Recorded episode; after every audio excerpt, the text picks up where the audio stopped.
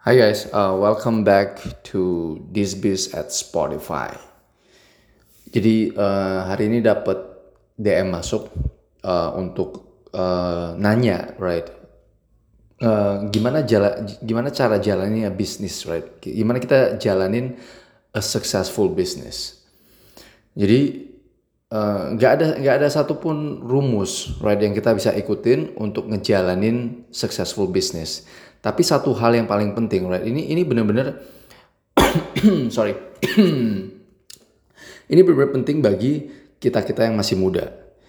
Jadi kita sering kali lihat uh, Mark Zuckerberg, right? Kita lihat Steve Jobs, kita lihat Bill Gates, kita lihat siapa lagi ya yang yang uh, yang Oracle gue atau Oracle itu foundernya siapa gue lupa.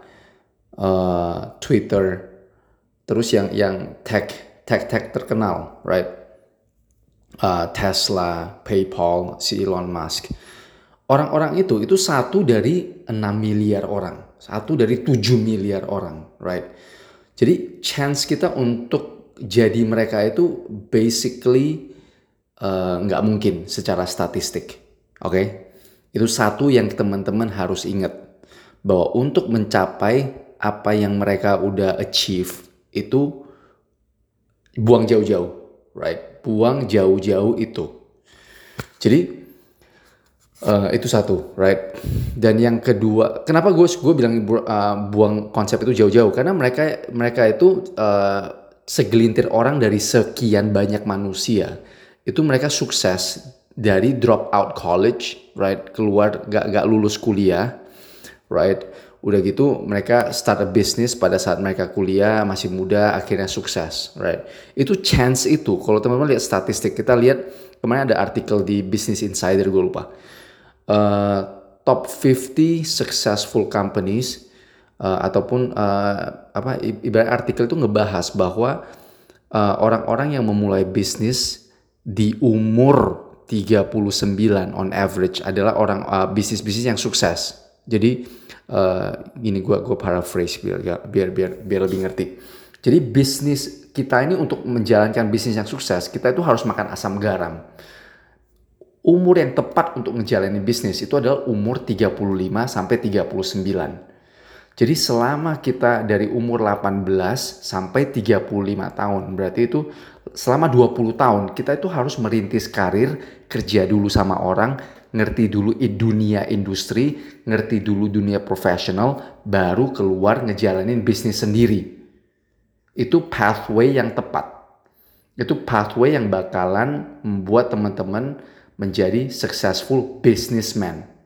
Right? Jadi kalau teman-teman masih umur 25, teman-teman masih umur 23 udah sibuk mau ngejalanin bisnis sendiri, you will not be successful karena teman-teman itu belum punya pengalaman, belum punya network di dunia industri, right?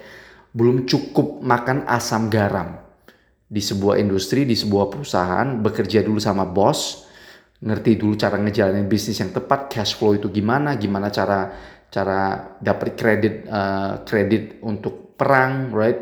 Semua itu penting dalam ngejalanin bisnis yang sukses. Nah, itu butuh network, butuh pengalaman minimum 10 tahun di dunia industri di dunia profesional. Baru teman-teman punya cukup asam garam untuk ngejalanin real business. Yang gue bilang yang real business adalah bisnis yang impactnya gede, right? Bukan, maksudnya gue gue nggak mendiskreditkan coffee shop, gue nggak mendiskreditkan uh, restoran, gue nggak mendiskreditkan uh, bisnis-bisnis online yang lain, jualannya, right, segala macam. If teman-teman punya added value di masakan yang teman-teman, di whatever uh, online shopnya teman-teman, you will be successful. Tapi chance-nya itu bakalan rendah karena bakalan banyak pesaing-pesaing lain. Makin banyak saingan, makin banyak orang yang ngegelutin bisnisnya teman-teman, makin slim chance-nya teman-teman untuk bisa successful. Bukan berarti teman-teman nggak bisa successful, oke? Okay? Do not uh, get me wrong. Tapi kalau teman-teman makan asam garam di dunia industri, right? Gue udah lihat orang-orang yang udah ngejalanin dunia industri di dunia engineering segala macam 10-15 tahun terus keluar ngejalanin bisnis sendiri. Itu begitu cepatnya mereka naik. Gue udah lihat banyak contoh. Karena mereka udah udah udah ngegelutin uh, bisnis itu lama, kerja sama bos lama, ketemu orang-orang di lapangan lama, banyak makan asam garam, banyak network. Jadi begitu dia keluar ngejalanin bisnis ini, udah banyak supporternya. Karena dari uh, segi uh, etos kerjanya dia kah, right? Dari segi integritasnya dia kah, right? Dari segi skillnya dia kah, right? That's the that's the correct pathway untuk menjadi bisnis pebisnis yang sukses. Right, jadi jangan kita kita yang masih muda udah sibuk untuk ngejalanin bisnis, tapi lebih penting kita kita yang muda untuk hungry dalam belajar, hungry dalam ngertiin dunia bisnis, hungry dalam uh, pelajari uh, bos-bos metode metode metode bos-bos yang udah lebih sukses dari kita. Gimana caranya untuk bisa dapat ilmu itu? Ya kerja sama dia, right?